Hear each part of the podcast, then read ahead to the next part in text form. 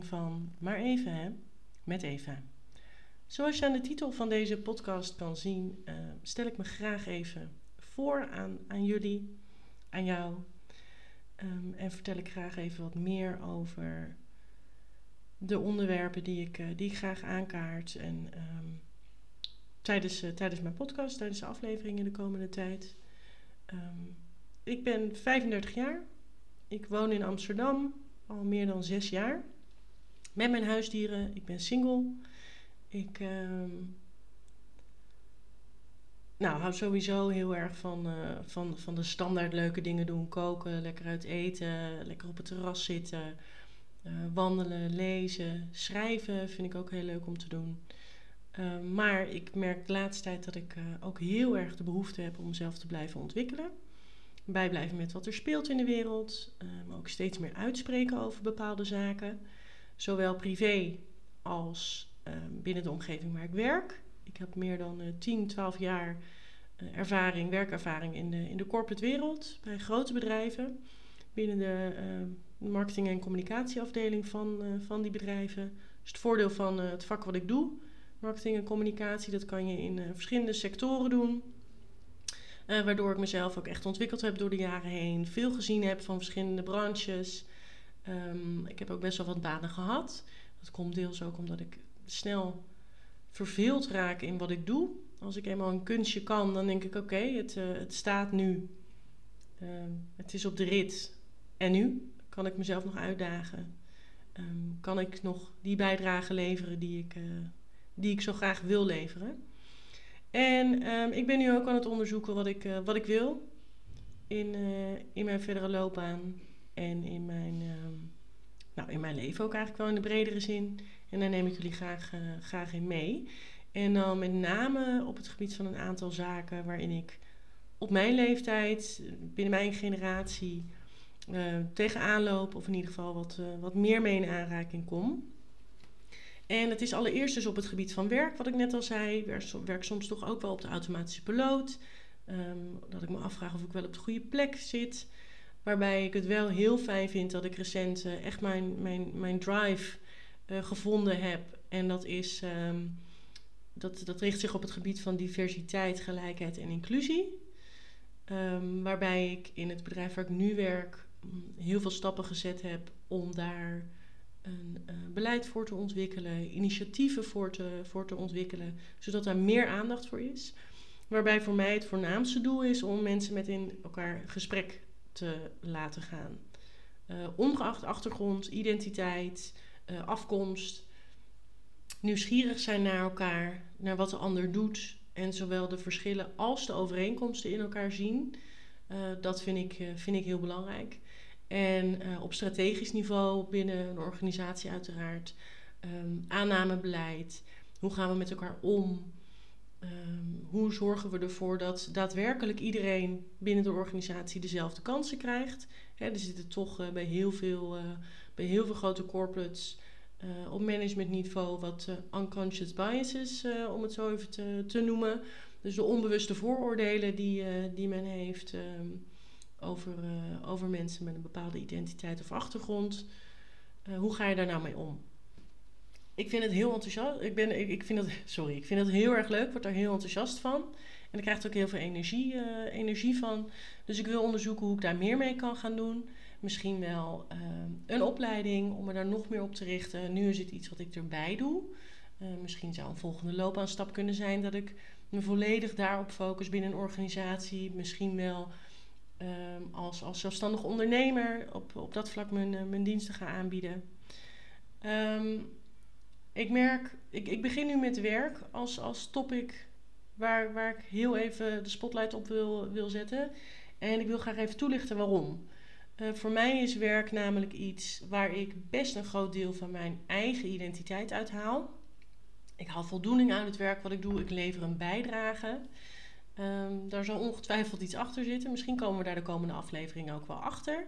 Hè, waarom, ik daar, uh, waarom ik graag anderen help, een bijdrage wil leveren, een verschil wil maken, op wat voor manier dan ook. Uh, misschien ook wel uh, nodig gevonden voelen. Zou daar misschien ook nog wel een beetje in kunnen zitten, denk ik. Ehm, maar ik weet wel dat de banen die ik heb gehad, dat ik daar me altijd volledig voor heb ingezet. Uh, dat, ik, dat ik daar ook door gevormd ben. Dat ik er ook om gewaardeerd word. Dus ik, ik merk ook de waardering voor, voor het werk dat ik doe.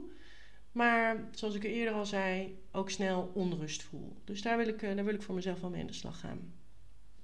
Een ander groot onderwerp wat zeker ook eh, binnen mijn generatie en mijn, mijn leeftijdsgroep valt, ehm, is liefdesrelaties.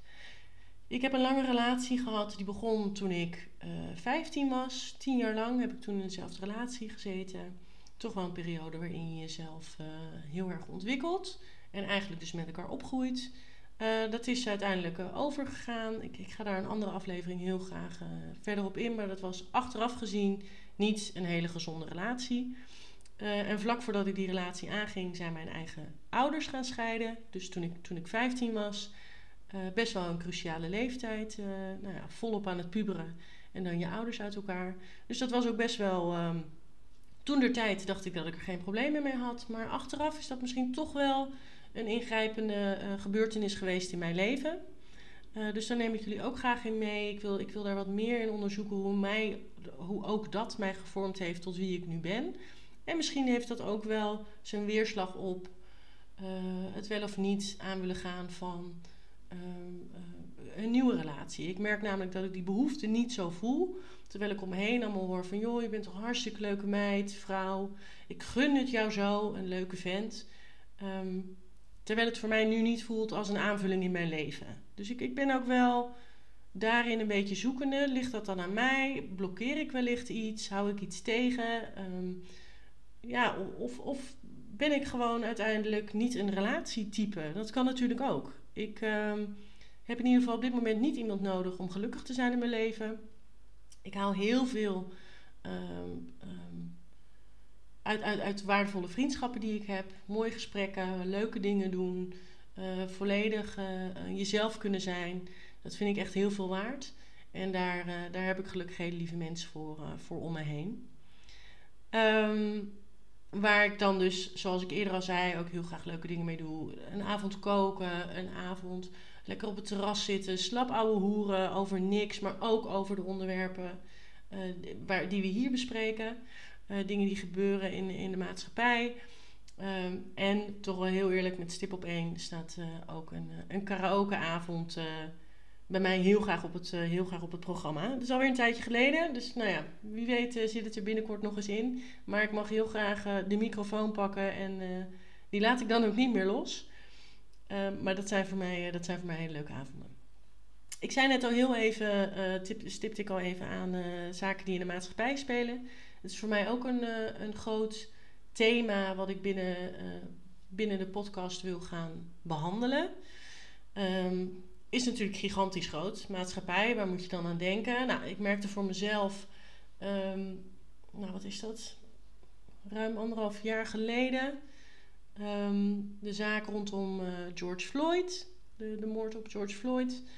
Waarbij de Black Lives Matter um, beweging weer heel, erg, uh, weer heel erg opkwam, merkte ik bij mezelf een druk om daar iets van te vinden, meer over uit te spreken, uh, te laten zien wat ik ervan vond op de socials.